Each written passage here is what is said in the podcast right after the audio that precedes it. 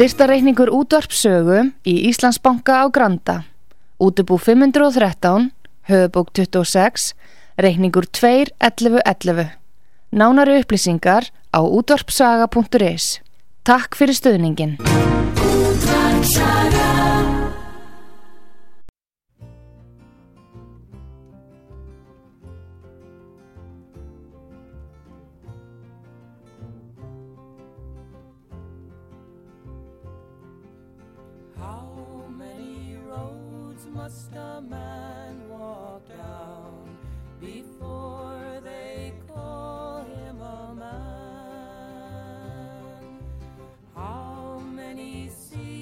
Must a white dove sail before she sleeps in the sand? How many times must the cannonballs fly before they're forever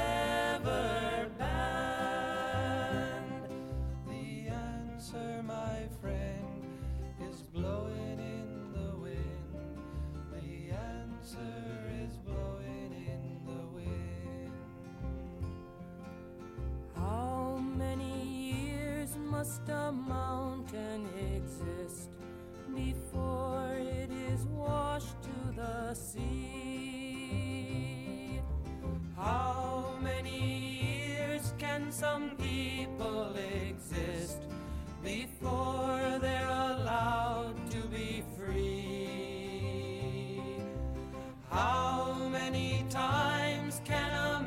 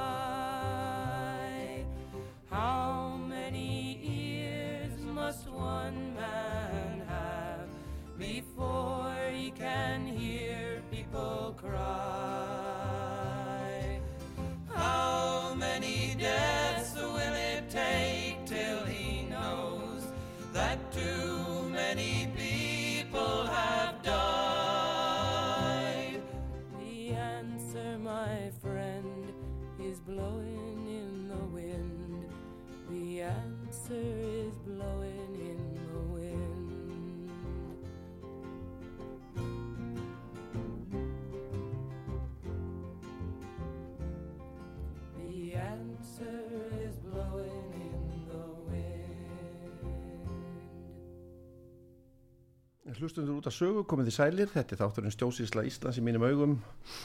Ég heiti Kristján Örn Eliasson og hjá mér er þér Haldur Sigurðursson og Argrimur Pálmarsson. Já, og daginn. Á daginn.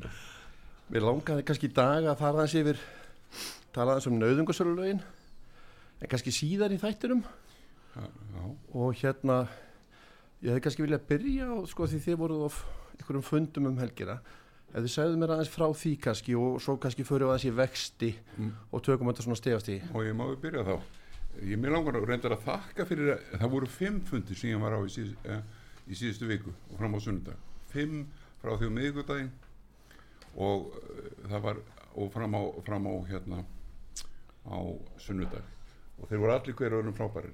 Þetta byrjar á fundi með, hjá öryggjabandalenu allir vita ég er fallaður og hef haft mikið áhuga á því, þeim, þeim málum líka. Hef stundar fundi í öryggjabandalenu það var afkomufundur fundur um sagt, kjaramál öryrkja á, á Grand Hotel. Og mj- mjög alvarlegt af því það er alveg hræðilegt að horfa á því hvað, hvað fólk í þessari stöðu lifir undir, um, undir mikilli fátættirunni ótrúlegt að Ísland samfélag, þetta ríka samfélag skulle fara svona með samborgar sína. En málið var það á þennan fund mættu fjórir þingmenn eh, Ásmundur Friðriksson hann mætti þarna fyrir sjálfstæðisflokkinu og hefur gert á, árum saman, það er nefnilega málið. Hann hefur verið árum saman fyrir, að, hann hefur haft áhuga á þessum málum árum saman þessi maður sem að, að einhver þingmaður hendi ógíslegum orðum í eh, á þinginu í síðustu viku eða þar síðustu viku og ætti að skamma sín í náttúrulega bótt fyrir þau orð sem hann létt falla og engum, engum sæmandi hvorki þingmannin í öðrum. Ótrúlegt og uh, svo var Guðmundur Ingi Kristinsson sem er að fara á ót hann er ótrúlega döglegur núna að- að að vekja aðtikla á þessum þessari afkomu þvælu öryrkja sem er í gangi í þessu landi á vegum flokks fólksins. Hann er bara reynd með ólíkindum einstaklingur, þarna var hann þeim var ekki bóðið pallborð. En látið hann vera, það var hann kannski mistöku ég veit það ekki, svo var hann líneik hana, og það var að því hún er formaði nefndarinnar um afkomuna og svo var þarna eh, ungur drengur sem að taldi nú hérna, ég held að hann sé á fegum samfélkingar, en heitir hann ekki Jóhann eða eitthvað að hérna er, já, hann er hérna eh, hann hefur verið hérna út á sögu og hann var þarna í pallborði. Þessi sami maður, hann taldi vakstamál eh, sami maður taldi vakstamál þegar á, ástalóa hjá flokki fólksins bar upp í efnus og viðskiptinni alþingis bar upp vaksta áhyggjurnar af vakstamálunum í landinu að þá sagði hann að þetta er jaðarmál. Akkur, hvað, þetta setja jaðarmál inn í, inn í, inn í, inn í efnus og þeir skilja, hann skilur það ekki að þetta er eftirlýstin, þetta er löggan þetta er, er gæslu löggan og mér líður vel sem Ísling og mér líður ekki vel sem Ísling með fljótandi vexti sem eru búin til að enga fyrirtæki sem kallað er Seðlabankin og, og stjórnaða manni sem var, var frumkvöld í hrunun á sínu tíma átti, átti eitt af tíu staðstu gjaldrótu sem hafa átti stað á veröldinni. Hann var einn af frangvandastjórum fyrirtækisins einn af aðstu mönnu fyrirtækisins. Það er eitt af tíu staðstu gjaldrót þessi bankagjaldrót þarna sem að Íslendinga tóku þátti voru, þeir áttu þrjú af tíu sem hafa nokkurn að vera á jörðinni. Og hann er núna sælabankastjóri þessi ágætti snillingur og hann er líki við peningastefnu nefnd peningastefnu nefnd, það var Brynja Nýjursson átti bestu orðið yfir bestu orðið í heiminum yfir nefndir hérna alþingis og nefndir ríkisins og nefndir sveitafélana hann var í varhlutlum daginn í opnum fundi sem allir gátti farið á. Hann sagði burt með allar nefndir burt, burt. Það er eiga bara allar að fara. Það er peningastafn nefnd, það er Sælabankin af því þetta er nefnd, Sælabankin er ekkert annað nefnd. Og máliði það bara hún er fjölum með nefnd og máliði það að þú setur ekki svona nefndir ón á fólk, það gerir ekki nokkur heilbrið þjóð, þú gerir það ekki. Það er bara, það er bara kjánaskapur sem gerist. Já, við skulum hæ- hættu þessu nú þetta er svona ágætt þarna. Svo kemur, jón, hérna, svo kemur fimmtudagurinn. Þá er fundur á fimmtudagskvöldið í Valöll og því er líka fundur maður. Jón Gunnarsson fór þar á algjörum kostun dómsmálar á og því er líka dugnaður sem að þessi maður er búin að sína og þar voru 90 manns á fundinum úr öllum flokkum Íslands. Þeir voru bara þarna og þeir voru allir með skoðinu fengu allir að tjá sig sem bara uh, uh, komust að. Og þetta var alveg ótrúlega frábær vakning á þeim fáráleika sem er í gangi í kringum innflutismál og fólki til landsins.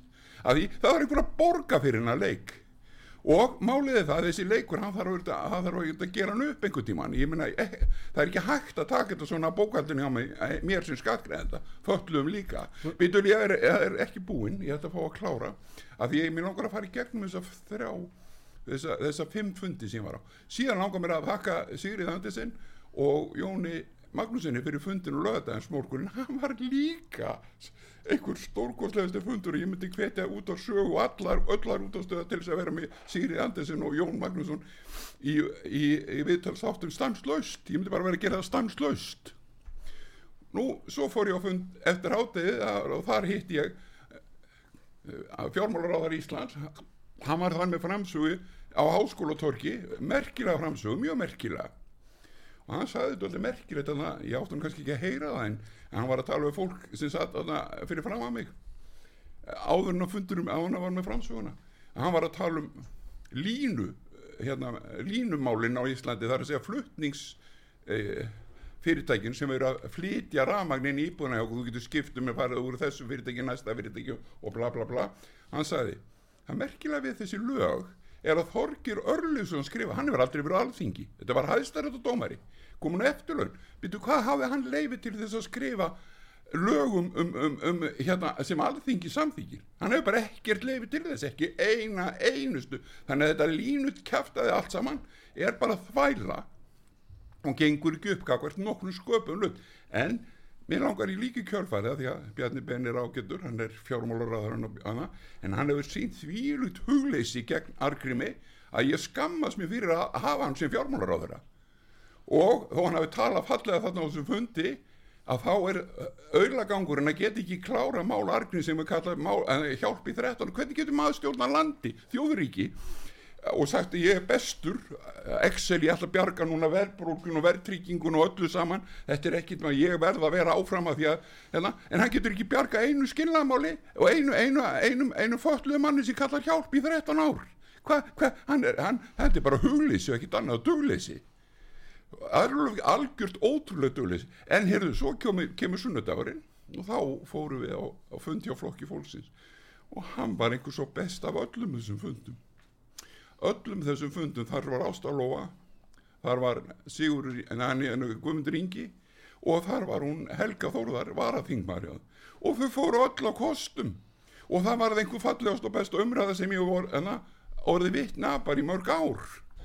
En í á þeim fundi komið ljós lærði ég, vegna þess að Kristján sá sem stýrið þessum þætti hann vekur upp fólk hérna og hann segir mér langar að vita eitt. Ég ætla að lesa hérna fyrir ykkur eitt og ég ætla að lesa fyrir ykkur öll áheyrundur sem er að hlusta á þetta. Ég ætla að lesa þessar setningar fyrir ykkur. Skýr áskilnaður um fa- að nöðungasala megi fara fram án, án undangenginsdóms og sáttar. Hann Halldór hérna, hann er búin að tala um fókitan sem er sáttamiðlari sem að vantar í 30 ár. Án skýr áskilnar um nöðungasala megi fara fram án undangenginsdóms sáttar eða fjárnáms. Kemur hér neðamars í samlingi um veðrétt á eigninni þegar þú ferði í bankan og, og skrifar upp á lán skal vera tvímalust ákvæðis efnis að þú skiljir að, þú, með, að, að, að í samlinginu standi má taka án dóms og án aðfarar.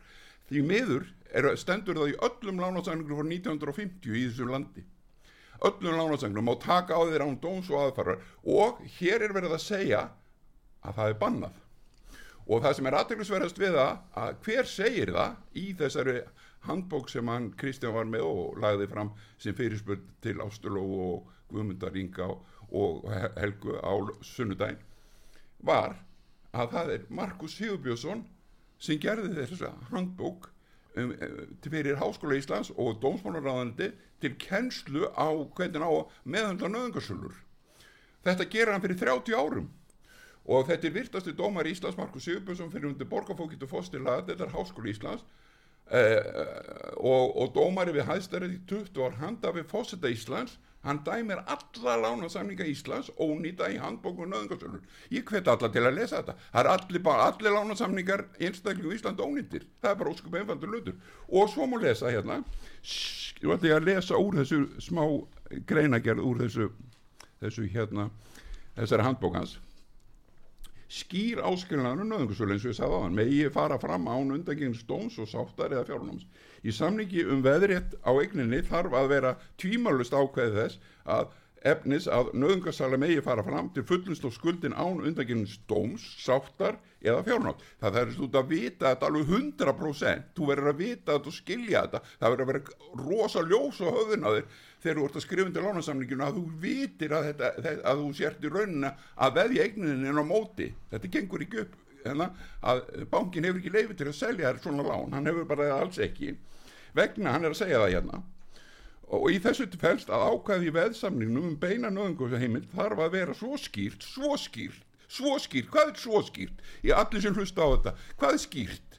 Ef ykkur finnst vant á skýringuna þá bara spurjuðu meiri skýringar. Það er það sem að málið er. Að, að, hérna, að, að, veit, þú vitir hvað þú ert að skrifa undir. Það verður að vera svo skýrt, alveg ljós.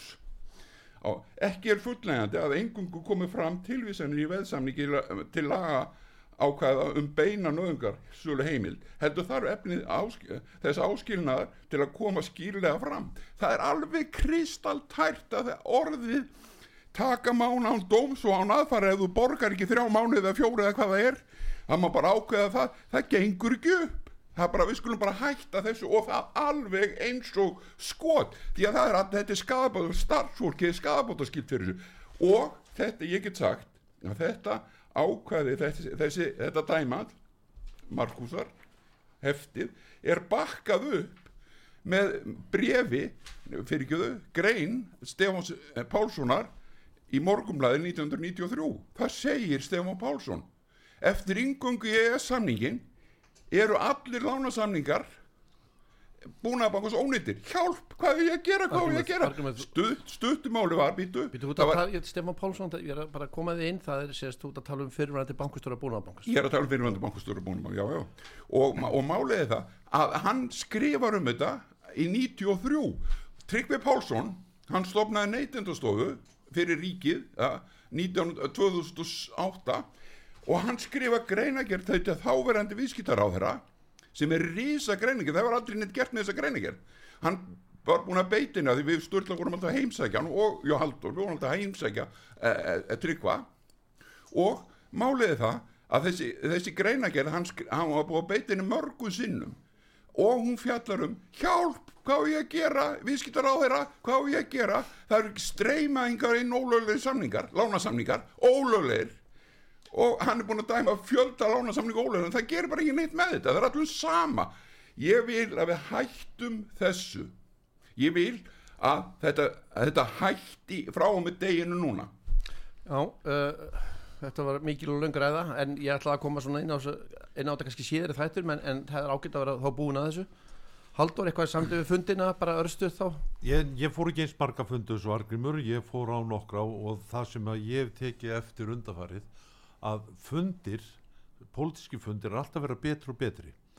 Það eru framsögumenn, eru skýrari, þeir eru hnitmeðari og hérna og yfirleitt eru hérna tími fyrirspurna betra, betur skipulaðir og sem betur fer að þá eru hérna þessi siður þar að það komi ein spurning og svo bara kemur svar við því að það hérna hefur aukist en mér hlakkar til núna á fimmtudaginn að það á að fara að stopna málfundafélag verður stopnað þarna í kóbóinum þarna í Kata, Katalínu á hérna á fimmtagskvöldi ég hef nú ekki tíman á hvenar fundurum byrjar en þar verður opið fundur og allir velkomnir og menn geta gengið í málfundafélagið en ég hef mikla trú á því að þetta málfundafélag komi ymsum málum á stað Bara því ég ætla að enda kannski á nöðungusölunum, en svona aðeins að fara þetta byggjit upp svona, sko,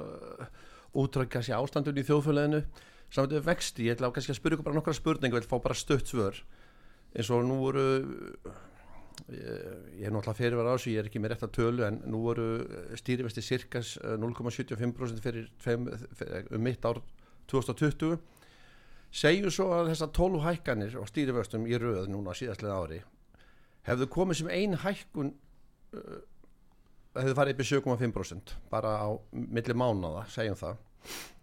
Hver hefði verið þá sko einhver sem kaupir sér íbúð sem er að binda sig og vextir eru einhver ákveðin tala, segjum bara 2% eitthvað slíkt eða 3% og svo mánuðinu eftir eru konin í 7,5% af því að þetta er ákveði í stýravasta hækkun sælabankans Eh, Hvað með að efna slíka samninga? Hvert er siðferði í þessu og hefur þetta áhrif? Hefðu átt að hækka þetta bara strax eða í þessum stegum? Hvenar, hvað eru mörkin fyrir því að fólk segir bara hinga og ekki lengra og, og samninga standast ekki? það er nú til hæðstrættdómi fyrir því ef að hlutur stendur ekki í samningnum að þá er hann ekki í samningnum og hérna hvort sem menn tala um fasta breytilega vexti eða annað að þá þarf bá, þurfa báðir aðilar að samþykja breytingar. En þessar breytingar eins og gerast hérna sjálfvirt að bankin bara ákveðu það að skula hætta, hækka vextu um eitthvað sem er ótilgreint sem ekki er á samningnum má náttúrulega ekki vera. Og þetta er verðbólgu hvetjandi þegar að hérna hann e, selabankastjórun okkar er að segja það að þetta hérna sé til þess að draga úr verðbólgu að þá er þetta gert öðruvísi að þá er þá sá sem gerir næsta samning að hann fær hærri vexti og þá hættir hann við það eða, eða hættir við að hérna, breyta fyrir sínu fyrirtæki eða auka starfseminna vegna þess að vextinur og háir. Og, og það getur hamlað verðbólgu. En að hækka vextina svona 1, 2 og 3 Sett sjálfkrafa, það er verðbólku hvetið og býr til verðbólku Ég, það sem ég kannski meina því að Argrumur var með uh, í ræðinu hans áðan þá var ég að tala alveg um það bara koma sér beint að efninu. Nú stendur þetta í samningum eins og Argrumur var að greiða. Það, það, að, að, menn, menn er að, að, að, að já, menn er að fyrirvara sér réttinum um, um, um, um, um hérna að geta farið með mál fyrir dóm eða, eða, eða leita sátta. Það er það sem ég er að tala um, nú stendur þetta í brefunum það er búið að setja það í brefin fólk skrifar undir þetta, þannig að þetta er í samningunum þá er að tala um siðferðið og, og, og þetta þess að það kemur bara ein stór hækkun, hvar eru mörkinargrumur hvar, hvar, hvenar hvenar segir fólk nóg, er, það 20% 30% 15% Ég get ekki er því nóg? að nó- er- nóg er bara það leiðu fyrir að hreyfa við samningum sem 0,75 Ég Sjá, maður að þeir vexti sem standa á lánunu mínu sem að ég er núna með síðast sem að var fyrst gengistrikt síðan verðtrykt og, og var svo breytt fyrir tveimur eða þremur árum að, að ég var alltaf að kvart undan þessu. Ég var alltaf að kvart undan því að ég var ofrukkaður. Ég gerði það síðan 2011 að því mér fannst það alltaf að vera svo leiðis ég sá ekki réttin sem þeir höfðu. Ég hef búin að vera læra á læra og ég var alltaf að, að reyna að beita réttinu mínum. Og það, það sem var gert var það að þessu var breytt fyrir tveimur árum í það sem kallað er fasti breytilega vextir. Það sem ég gerir mér ekki grein fyrir þegar ég var undir að ég er þú veist ég er búin að liggja yfir þessu eins og ég veit ég hvað að hvað þetta geti hækka allt í einu og svo núna á síðustu tveimur hvað einu ári þá hefur vextinni, farið úr tæpum 3% eða rétt um 3% upp í 8% var síðasta rukkun síðasta rukkun, ég er nú búin að fá frestun ég er búin að fá fristing á þessu lánið í 6 mánuði. En næsta rukkuna er fyrir sennilega Arjónbanki var nú að tilkynna að það er færi 9% með rukkuna hvernig getur þetta, þetta stendur hverju á samningum eins og Haldur var að segja. Það að það er, dóm, það er hæstæriðadómur Akkur fara menn ekki eftir hæstarættadómnum? Það er, er hæstarættadóminn sem segir það sem ekki stendur í samningi, er ekki samningi. Hvernig geta menn farið með afturvirka samninga og hamastíðum? Þeir geta það ekki, en þeir gera það. Þetta er venjan á Íslandi að við hafa ekki rétt. Og svo langar mér að tala, því að það er verið að tala um vexti, þá langar mér að tala, tala hérna um viðskiptablaði í dag. Af því að máliði það að, hann, að kom hérna prófessor frá bandarska Chicago háskólinu mörg ár, gamalt maður prófessor Alibet, ég held að hann hefur sér Nobelsvörun hafi, hafi hagfræði. Hann sagði hvað eftir annað? Please standið upp og hafi frekar verðbólgu heldur en hjöfnun og málið það, ekki reyna að glíma með verðbólgu, því geti alltaf gert það inn í tíman en því geti aldrei að þið tapir fólki í hjöfnun og það er hjöfnun á Íslandi í rauninni þó það sé verðbólga hérna, af því það verða að flytja fólk á larra kaupi heldur en það sem fyrir kaupi hérna. Og það, þannig að það er, þetta er bara þvæl allt saman. Og ég segi sleppum bara verðbólgunum lausri lefum maður bara að vera í friði. Reynum bara að, að vinna saman sem einn maður sem ein, einn einstaklingur en það vinnur saman sem já, bara ein, einn uh, í að leysa bara lífsleið Íslands í heilsinni, lífsleið Reykjavíkur í heilsinni All, alla, alla einstaklingunum borða, þetta er bara eins og skip sem er að sigla. Við skulum sigla því áfram með einhverju viti, ekki kánagám ekki, ekki búa til stýrivexti sem að taka lífu úr sambandi hjá þeir ekki, taka, ekki, ekki búið meiri kúun, meiri skatta. Bjarni Ben, hann, eina sem hann kann er á Excel-skjál, hann er rosalega góður á Excel-skjali, en ég ætla ekki að lifa eftir Excel-skjali Bjarni Bendusson það er alveg reynar línur. Argrymur, ef ég, sko, ég er að reyna að koma svolítið kannski aðalandir á hann uh, eins og ég hef sagt áður eins og við getum talað um bankana. Þegar þú fyrir viðskipti við banka þá samþykjur þú skilmála, hvað sem þú lest á það ekki það eru skilmálar. Og maður, þegar maður samþykjur skilmálana þá er maður að fyrra sig ákveðin sko, rétti. Og við erum að tala þarna um samningu veðrétti um veðrétt. Og eins og þetta vitni handbókinu og nöðungusölur þar stendur í samningi um veðrétt í egni þarf að vera tvímulust ákveða þess að nöðungusölur megi fara fram til fullnustu áskuldinni án undagikið stóm, sáttar eða fjárnáms. Þegar fólk skrifar undir þetta þá er það þessi eins og rétti. Þess vegna gengur þetta allt svona rætt fyrir. Bara með að taka þetta tvent út, býtu við. Bara með að taka þetta tvent út. Hver er ábyrð fjármáleftilinsis okkur er þetta form. Okkur er formin ekki sett í eitthvað svona hvað maður að segja eitthvað form sem er búið að samþykja því að fólk er ekki að hafa áhrif á þetta. Fólk er ekki að ná þessu út. Það er bara að taka þetta út. Það breytir einhver skuldina eða veðið. Það bara breytir því að það vera að neyta fólki að, leita rétta sís og sérstaklega þegar við höfum breytilega fastavexti ég menna þú eru skrifandi samning og hann er kannski í tveimur bróstum svo er hann komið örfámanni setna segjum bara 20% þú verður ekki að leita rétt eins og þú tölur að ég er hafa að reyna Þannig að kæra þetta til lögreglan ég mun kæra Lilju ég er ekki- ég er- ég er að tala um það. starfsfólk er, ég er ekki að um það það er er þetta að fá þetta út e, e, sko, þessna var ég að tala um þetta við, uh, þetta ástildi þetta saman þessna var ég að tala um ástildi lóu og, guðmund þau eru alþingismenn um frumappið fyrir þessu, hvað var á bakvið þetta? Okkur fór þetta inn, okkur er þessi setning inni? Og, og ég ætla að spyrja ykkur, er hún ekki anstöðu við, við, við, við stjórnarskrona, við 70. grunn stjórnarskrona auðvitað er þetta í anstöðu við það. Þetta er anstöðu við siðferði þetta er anstöðu við, allt saman. Er, ég er náttúrulega sammálunum það er betra að hafa verðbólgu heldur en, heldur en, heldur en verðhjönnun og það er náttúrulega en þegar að, að gert með þessum hætti að vextirnir eru settir bættir við vexti sem er ekki tilgreindir í lánasamning.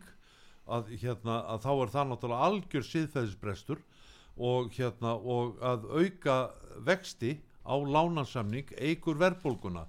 Nákvæmlega svo út með verðtritt lán og þú hérna leggur ofan á höfustólin verðtryggingu þannig að höfustólin hækki hverju mánuði þá eigur það verðbólguna og ég geti raukst upp það alveg Já, ég er farin í vol. Ég vil ekkert að fara út í það.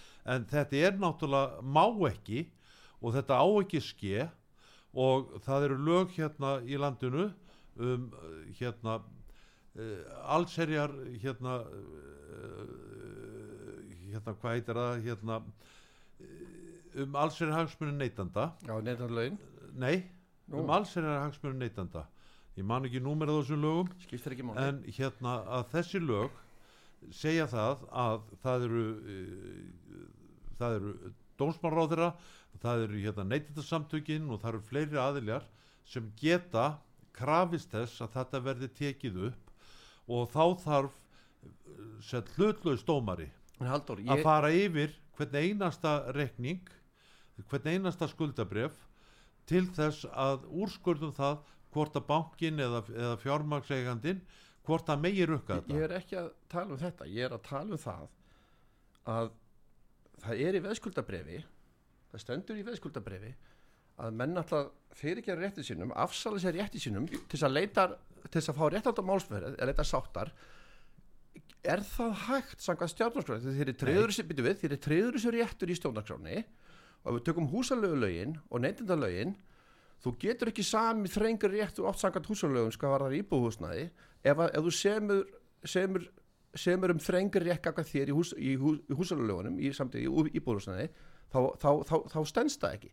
Þá er það bara löglesa það, bara, það, virk, það vir- virkar ekki, það bara er ekki gild þess vegna segi það hvernig getur þú samið að því stjórnarskrá væri réttin?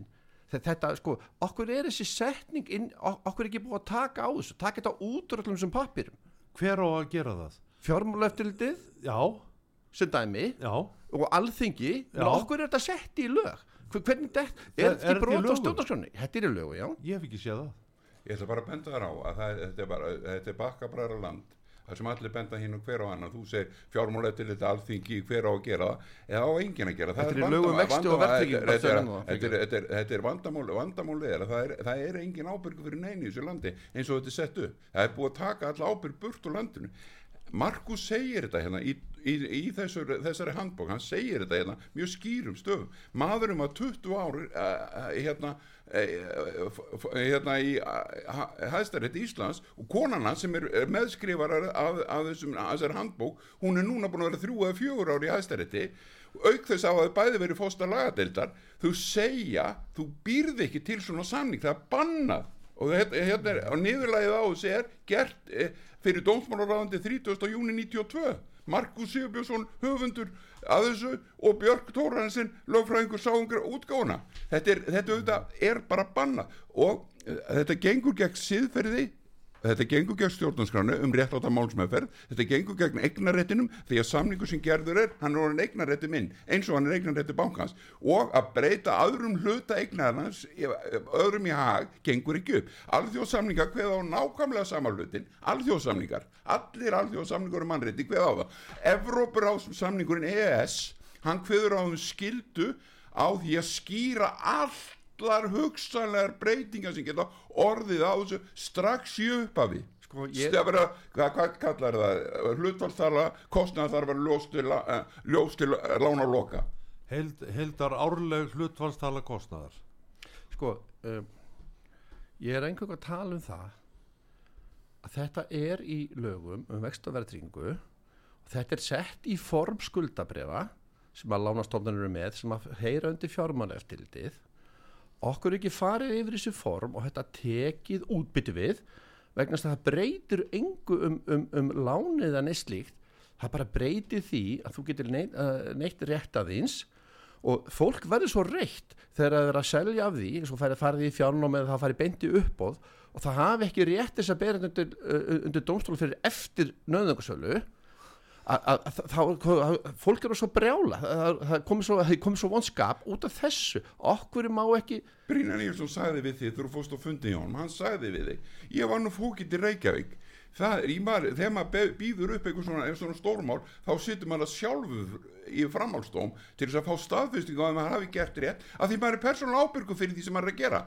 Fókitti sem gerir rang, rangindi í uppbóðum, þeir sem starfsfólk ríkisins, eins og það heitir nú í dag því þetta er stofnur ríkisins síslumenn eru stofnur ríkisins hver einasti þeirra ástóló að ég fór til hennar sérstaklega nánast í faðmaðan um helgina fyrir, fyrir það að hún er að gera kröf á, á tí, upp á 10,5 miljón krona vaksta þjófna sem starfsfólki á höfuborga síslumann sem stalafinni við þurfum að fara í auglýsingar núna. Við komum eftir auglýsingar hér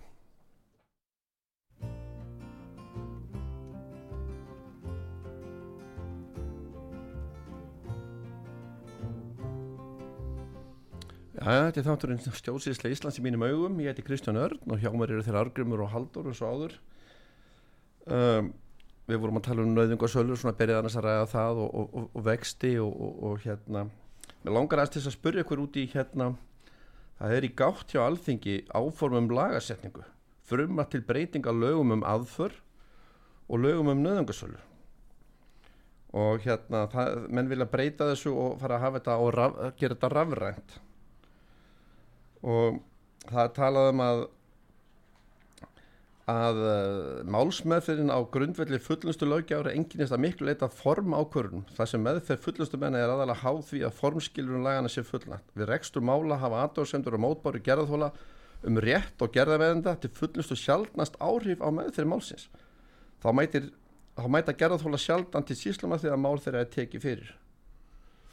Þetta kemur aftur fram í hún Markus Jæðna sem að út að lýsa. Ég vil ekki ráðan á fæslu sjálfur er, ég vil ekki ráðan á þinglýsingar. Ég vil ekki ráðan skjöl frá neinum sem er í, í ofnbæri vinnu fyrir ég vil ekki fá neitt tölvupost neina neina ráðan reyn ráðan skjöl á Ísland.is eða hvað þetta heitir eh, frá neinum, neinum í íslensku stjórnsýslu. Vegna þess að ég vil bara fá að hitta fólkið hitt horfi augun á þeim og greiða það sem ég á að greiða og ta- fá rétt minn þar sem ég vil á, á réttin. Ég vil ekki tölvukerfi Heldur þú missir réttin? nei, þetta er orðið bara svo hættulegt upp á, upp á að- passa gögn tölvukerfi eru þannig hvað er búið að skipta um um stýrikerfi á tölvum á tíu árum? Þing, set, rafræn, þinglistning, rafræn skjöl og þess að þar eru brot á mínu rétti ef að ég ætla að skilja skattaskíslu þá þarf ég að skrifa undir hana. Ef ég, ef ég vil komi erindi til hérna opnverðsaðilega þá þarf ég að skrifa undir það. Það er ekki gildi öðruvísi.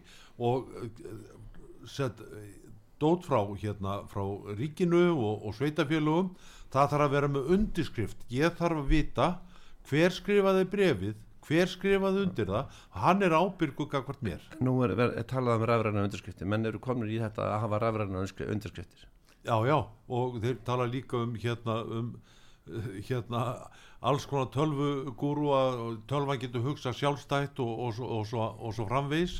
Þetta náttúrulega Veist, þetta er raun og verið ekki rétt því að talva er, er forrituð og hún hugsar ekkert sjálfstætt. Það kemur henni í texta sem ég fyrir fram hérna í sambandi við þessi áform. Það er áformað að bæta ákvaðum í aðfrálög og einhversu lög sem heimila stafræna málsmeðferð án þess þó að það kalla á heldaskuðu lagana. Þetta á ekki að þurfa að breyta löguna, þetta á bara... Þegar, sko, þetta er aðföra mér sem íbúa en það gerir engin svona stórar breytingar hleypa bara einhvern veginn ámútt bara bjóða upp hjá mig þetta er án þess að, án þess að ég hafi nokkuð um að segja því ég kannski kann ekki á tölvu. Ég kann ekki á móti taka móti ég fekk eitthvað frá einhverju nýpp Ísland í dag. Ég er bara kann ekki opna það einu sinni þetta er, þetta er svo vittlust að það er einhver lægi líkt. Ég á, ég er að borga fyrir uh, greið, það eru 70.000 manns í vinnu. Akkur þá eru að kaupa 70.000 man, manna tölvukerfi til þess að geta falið sér bak við tölvuna? Ég ætla bara að fá álítingar á þessu. Uh, Í stefnu ríkistöðuna 2017-2018 var mörgur svo leið að stafræð þjónastýrið á árinu 2020 orðið megin leið samskipta milli hins opinbera og almennings. Þið viljið þetta ekki? Ég vil ekki sjá þetta. Og það sem að meira er að ég, Tala um. mér, mér langar aðeins að koma inn á þetta meira, aðeins bínu meira. Og það er í sambandi við Ísland segist vera bókaþjóð bókaþjóð. Og það eru Íslendinga sögurnar eru byggðar á, á einhver sem skeið á Íslandi í gamla daga og við erum opbást að montina Íslendinga sögurnar og fortsögum okkar. Hvernig ætlar að vera með fortsögur í Íslandi í tölvukerfi? Hvað er allar hva, svo brennu tölvukerfið yfir? Þá, er allar, allar upplýsingar farnar. Þetta er jafn gáfulegt eins og þegar þessi eh, hvað borgarstjóra sem er hérna í Reykjavík sem tók sér valdið að hann, þegar hann ætlaði að leggja niður skjálabsafn Reykjavíkur, hann hefur bara ekkert heimil til að gera það. Þetta eru, þetta eru, þetta eru skjör sem skipta málinn í ókona framtíð til þess að geta séð fortíðina. Markmiðin með þessum lögum eru eða sérst áherslu stjórnvalda um stafræna þjónustu eru meðal annars þær að opinbera nýtil, það hefðu opinbera nýtil lausnan á borðið rafrænar undirritanir sem að vorum að ræða á hann fjarfundatækni og aðra fram, framleiðinu auknandi lausnin til að bæta vinnumhver og veita betri þjónustu en við getum alveg sagt það okkur er þá að menna, voru menn ekki, var ekki stór hópur uh, í, hjá saminu þjónum daginn? Er ekki verið að hitta þjóðhöfingja, er ekki verið að ferðast? Er ekki alltaf ráðherran á ferð og flugi? Okkur notaður ekki þess að þarna, fjárfundatekni þá, ef þetta er svona Akkurat. ef þetta er stefna meina, ef þetta er bara stefna ríkisins, hvað eru við tilkvæmstöru menn að fara í flugvelar? Í og það er, er búið líka, líka uh, karbónkvótan með, með flugferðum uh, fer, hérna, einhverja fólk sem er að, á ferðast á minn kostnað sem skattgreðenda á einhverju svona, svona fundi. Ég vil bara ekki sjá þetta heldur. Ég vil ekki bara sjá þetta.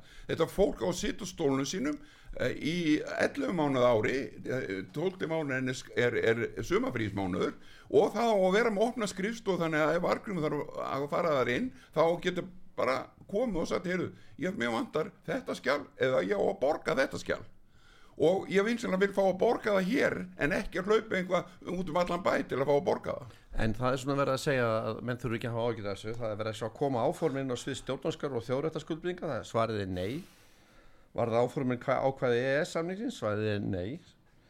Og er önnur grundvallar löggjöf sem taka þar til til, þá, þá er það er þá bara lögum engamál, en þið hafið ágjörð á þessum breytingu, segið þið. Já, og þetta er, þetta er bara, þessi lýsing hjá þér, það er bara eins og, eins og það er einhver maður sem er að dreyma og dreymur um fallegt þjóðfélag og, og svo framvegis. Það, þetta er engin rök á bakvið þetta sem að virka. Þetta, er, þetta má ekki, það þarf að vera undirskrift, það þarf að vera hreinu hvaða maður innan, innan kerfisins sem sendir mér er ábyrgur fyrir brefinu nákvæmlega eins og ef ég sendi bref til hins opera þá er ég ábyrgur og með En- undirskrift Uh, bara að því að svona... Ég sammálaði öllu sem hann saði í sambandi þetta að það er ekki hægt að vera meira saman hann saði þetta bara með þeim orðum sem á að segja það málið er það, þetta er bara eins og stóru heimskuluðu draumur Þetta eru svona hálfgerðar hraðaspurningar hjá mér. Svo segir hérna í samráð, hver eru helstu hagsmunnaðarar? Þá er talað um síslumannaráð, dómsíslan, lögumenn, fjármálastofnanir, umbásmáða skuldara og hagsmunarsamtök heimilina. Það er hverki minnst á almenning sjálfan. Þetta er sko, aðalega- að má- Málið er það að þetta, er mannleysunni, mannleysunni, mannleysunni Þú lestu þessar stofnunni Starfsfólk, eh, síslumans, mannleysi. Sta, eh, Hvað var hitt? Er dómsíslan, lögumenn, Já, dómsýslan er mannleysi. Uh, og því að dómsýslan er stofnun sem á ekki verið til hún hefur engan, hún hefur engan ta- tilgang. Hún hefur bara engan tilgang ekki til. Og ekki, að, þetta, sko, þetta getur ekki gengið svona.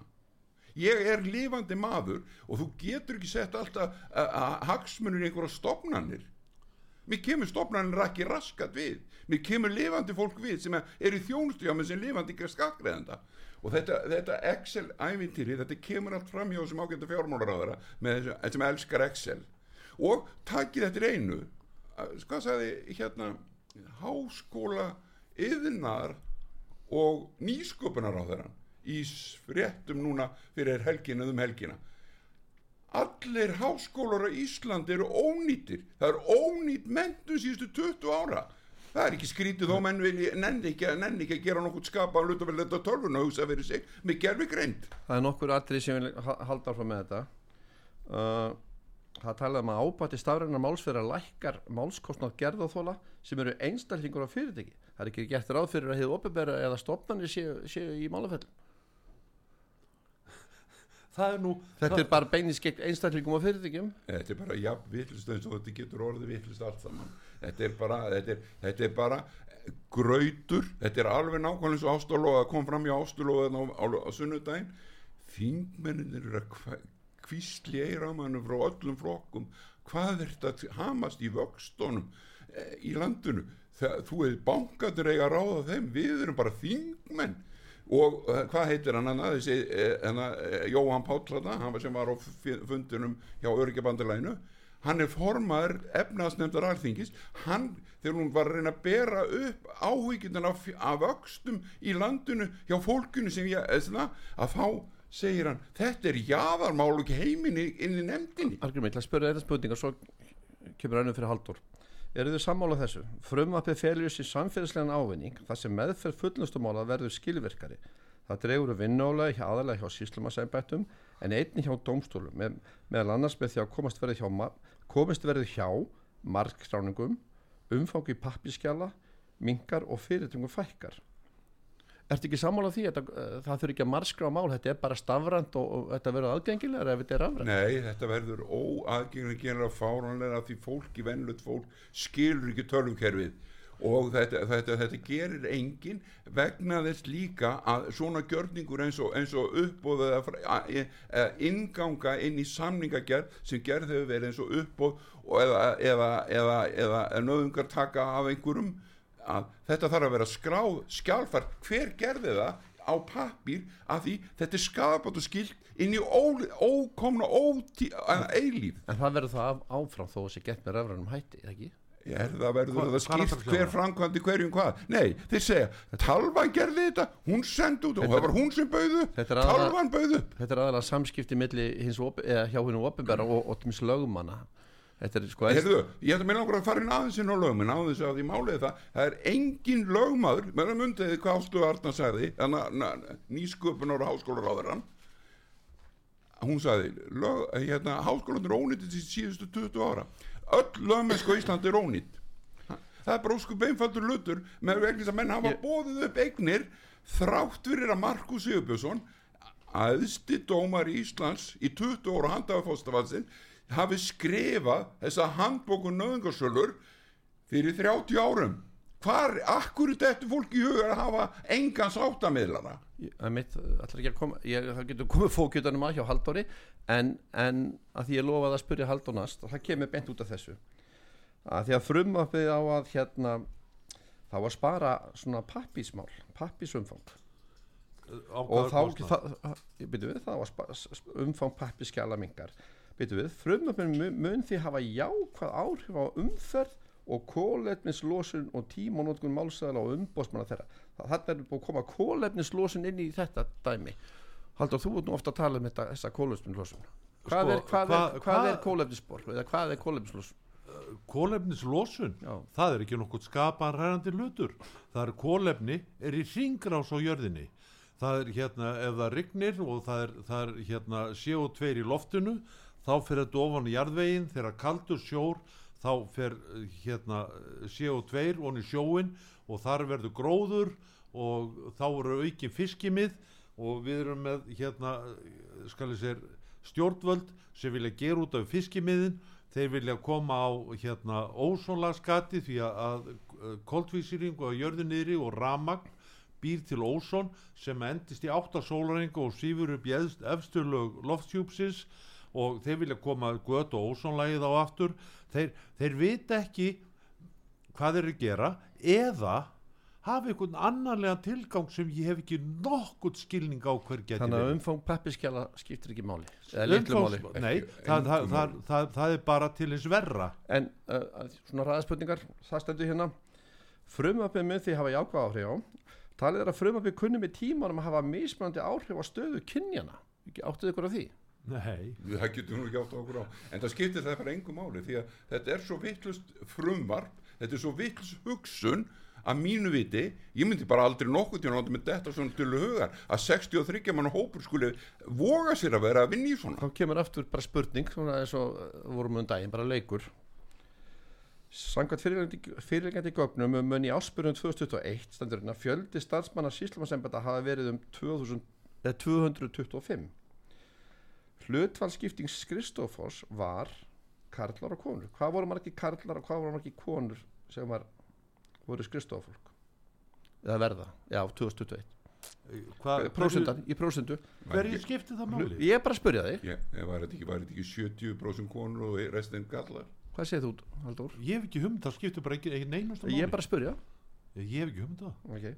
það er skristofafólk, það er 11% karlar og 89% konur sem starfa hérna og, og hérna og svo segir þau áhrif kunna vera með tímanum að kynja hlutfall hjá síslumasembutum verði jafnara en nú er en hlutfallskipting allra starfsmanna var árunnu 2020 átján karlar átján karlar móti 82% konum. Hvað, eins og þú segir, Halldór, hvað hérna hvernig á þetta hafa uh, áhrif á það getur ekki haft neina- skiptingu karla og ekki, karla? ekki nema það bara að- konur fann að ráða Íslandi. Og það er bara, og málið þetta er eins og í barnaskólunum og, og framhaldsskólunum, það er allir staðar kennari. Hvað er, er, hvað eru, eru uh, kallmenn á Íslandi? Hvað, hvað, hvað hefur orðið af þeim? Ég spyr, hvernig getur það skeð að þetta sé svona? þannig að, að frumvapum breyting og lögum um aðfuru og lögum um nöðingasálu þetta er eiginlega jafnrætti spartamál karla Já, Já, menna, það, þú, getur, þú getur kallað það þannig. En þetta er En- heimska og ekkert annað en heimska og þetta er aðför og það hefur engin heimil til að eigða vinnutíma um mínum. Og svo er þetta fólk núna á, á alþingi sem að læðist um á kvíslar ástuló og segi við hann, heyrðu, akkur er þetta að trubla vextina á bankanum? Akkur er þetta að gaggrina þetta? Þetta er ekki þitt mál, þú ert alþingismað þú sem átt ekki að gera neitt. Að þetta fólk er núna að fara í páskafrí í staðan fyrir það á meðan að landi brennur stopnan á milli, meðan að brennur stopnan á milli farið út, farið hittiði fólki eins og Ástmundur Freyrisson gerði og Guðmundur Ingi og, og, og, og Líneik og hann þetta Jóhann á öryggjabandalagsfundi, farið á öryggja Bjarni Ben, kontu á öryggjabandalagsfund kontu að sjáðu afkomuna. Sjáðu hvað þú ert að svelta fólk. Þetta er ekki hægt. Viljið ræða þá nöðingasálu mál eða viltu ræða eitthvað annað mál? Já, ég fekk hérna e-mail frá einu hlustand okkar. Eða kveikja á því hérna svo ég geti lesið það að hérna þessi hlustandi vildi fá skýr og góð svör við því hvað fyrir hvern íslenska stjórnarskráin er. Og hérna og hún sendir á ofnbæra stofnun svo hljóðandi fyrirspurn. Mér langar að vita fyrir hverja íslenska stjórnarskráin er íslenska ríkisborgara eða hvert sem er sem stígu fæti inn fyrir íslenska lögsugu með vísan í lög ef hægt er og þá kemur svar frá, þessar, frá lögmanni á þessari stofnun Stjórnarskrá hefur að geima helstu megireglur um stjórnskipula ríkisins. Það er að finna ákvæðu meðferð ríkisvald, hlutverk helstu handhafa þess og samspil þeirra milli auk ákvæða um ímis grundvallarétti borgarna í samskipti við ríkisvaldið. Stjórnarskráin gildur um Ísland yfiráðsvæði og ákvæðina almennt ekki bundi skilur um ríkisfang. Þarna var ég hissa, ekki ríkisfang. Uh, en á því eru undatekningar sem komað jafnaði fram í texta ákvæðinu svo sem að, að kostningaréttur er bundi við þá sem á íslenska ríkisborgarrétt uh, og sko þetta er mér óskilanlegt maðurinn segist vera lögfræðingur hann hlýtur að hafa einhverja gæti verið að hann hafi farið á svona fyrirfram námskeiðu um, um hérna hattusumræðu en þessi, þessi aðili hérna baðum eina spurning viðbót. Uh, ein spurningi varði svar þitt. Á þá til dæmis bandarinska stjórnarskráin við um mig sem einstakling um leiðu ég kemin á bandarinsk yfirásvæði eins danska stjórnarskráin um leiðu ég kemur á dansk yfirásvæði og svo framvegis og önnurland og svo kemur svarið frá þessum lögmanni. Svarið liggur í því að stjórnarskrá bindur er almennt ekki hendur borgar heldur felur í sig fyrirmælum skipula ríkisins og samskipti þessu borgarna sem er mikið rétt. Þegar þú stödd í bandargjón þurfa stjórnvöld til þess að fara eftir grunnreglu stjórnarskrána gagvart hér og dönsk, dönsku. en ég veit ekki betur en ef ég eðileg vegabriðið mitt fer inn til bandarækjana eðileg vegabriðið mitt hvort sem að það er hérna á klósutunum fyrir framann flugliðið eða, eða annað og ég er stoppaður og ekki Já, með það en- þá fer ég í fangelsi já, já, við það ég- sama ég fæ engan stjórnarskrábundi rétt og það er hérna ég hef nú búið í bandaríkjónu og ég veit það ef menn eru fram, framkvæma minniháttar umfæralagabrót þá voru þeim hótað En- að senda þú aftur til heimalands En hvert er þó svarið? Ég meina bara í einni setningu, hva, hva, hvert er svarið? Er það verið að spyrja um stóðnarskrána?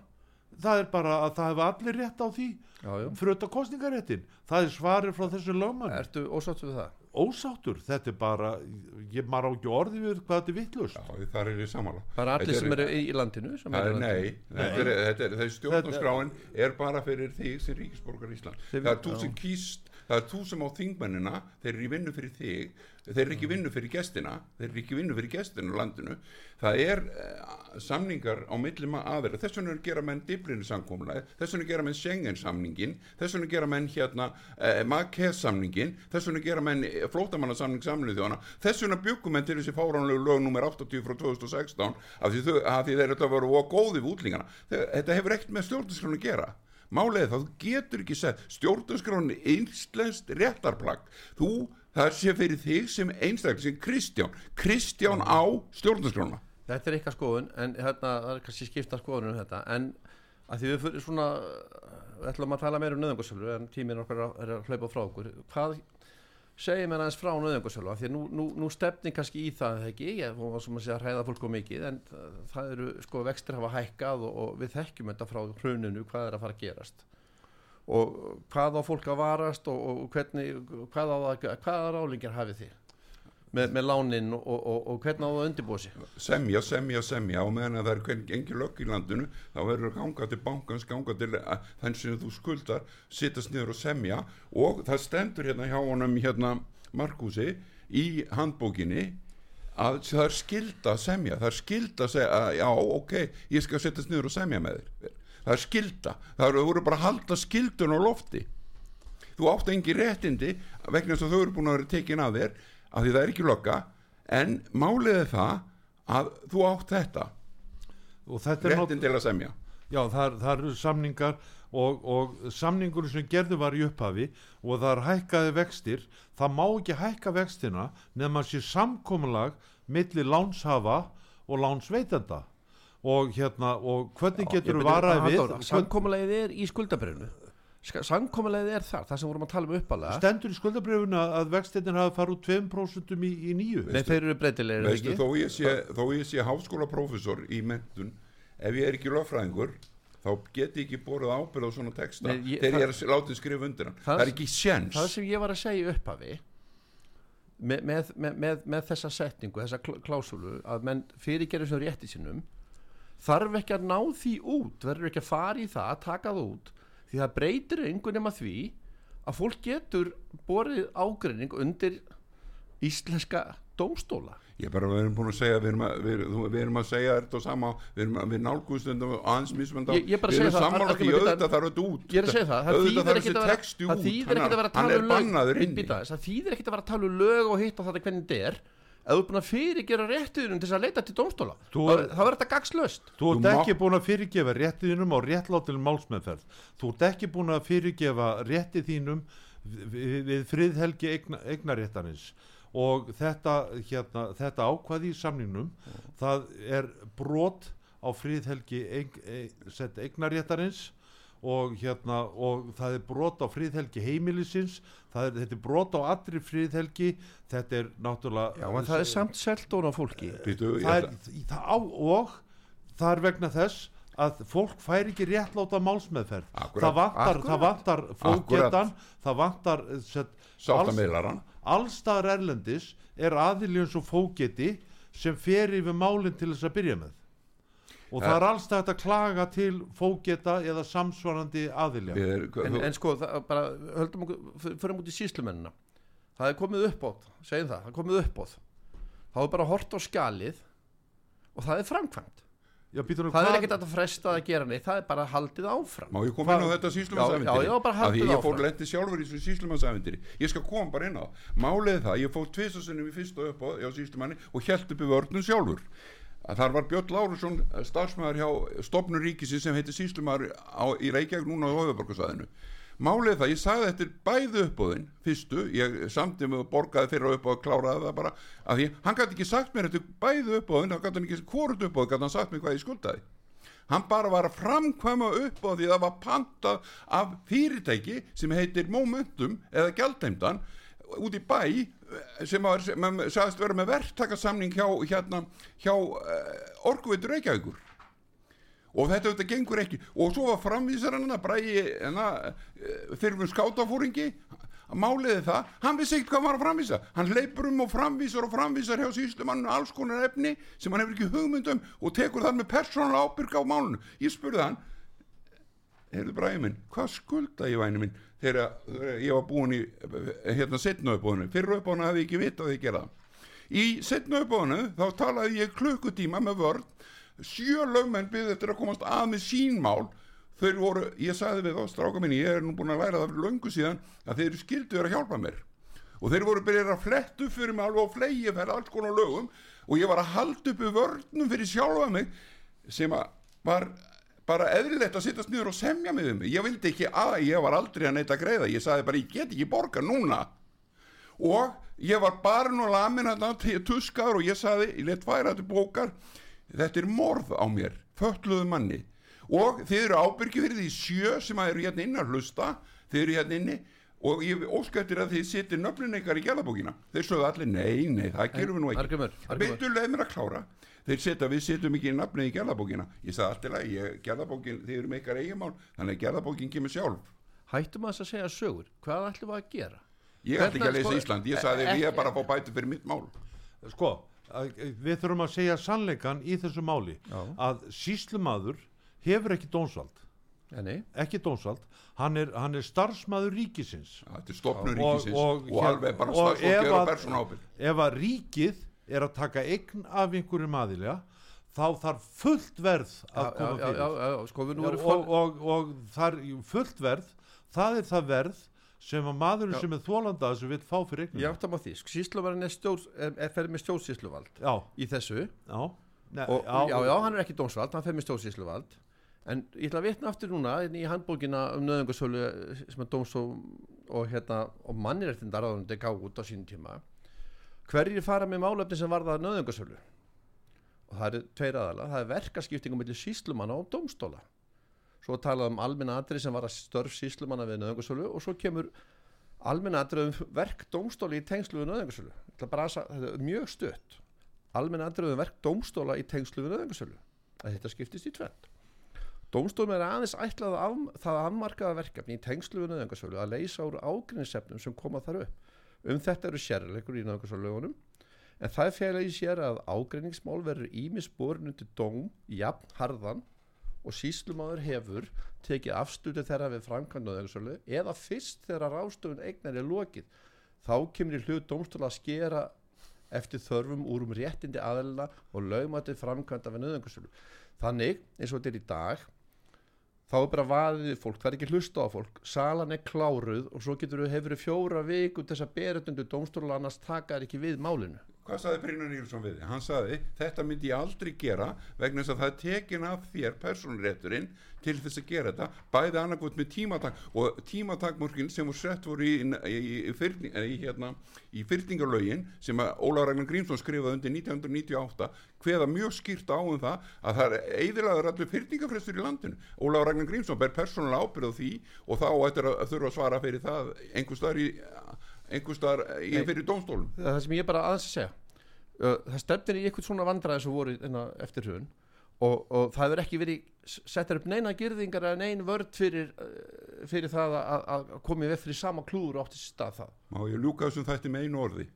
Hættum þessu hættum þessu, förum að vinna saman eins og ein manneskja. Eins og ein manneskja búa í Íslandi förum að vinna saman eins og ein. Hættum að vera 1200 lögfræðingar að nýta sér báðin til fólks og það, til tekiöfluna fyrir sjálfan sig. Hættum að vera svona auðla lögfræðingar. Með, með, í háskóla sem að uh, háskólaprofessorinn segir nei, háskóla uh, hérna, ráðarann segir að sé ónýtir í 20 ár. Hættum að, að flagga einhverju lögfræðaprófi sem er uh, korkfrösk pakka próf í gæðum.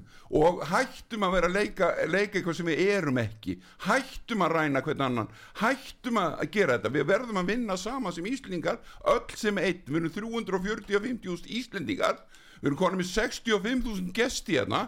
Og það er, við þurfum einhvern veginn að, það er nú varum tala um það í fréttonum núna að, að það er, það er 200-300 er maður sennilega rendi á götunni núna með í vorunu þannig að þeir verða bara sennilega betlandi hver ekki hús eða mat.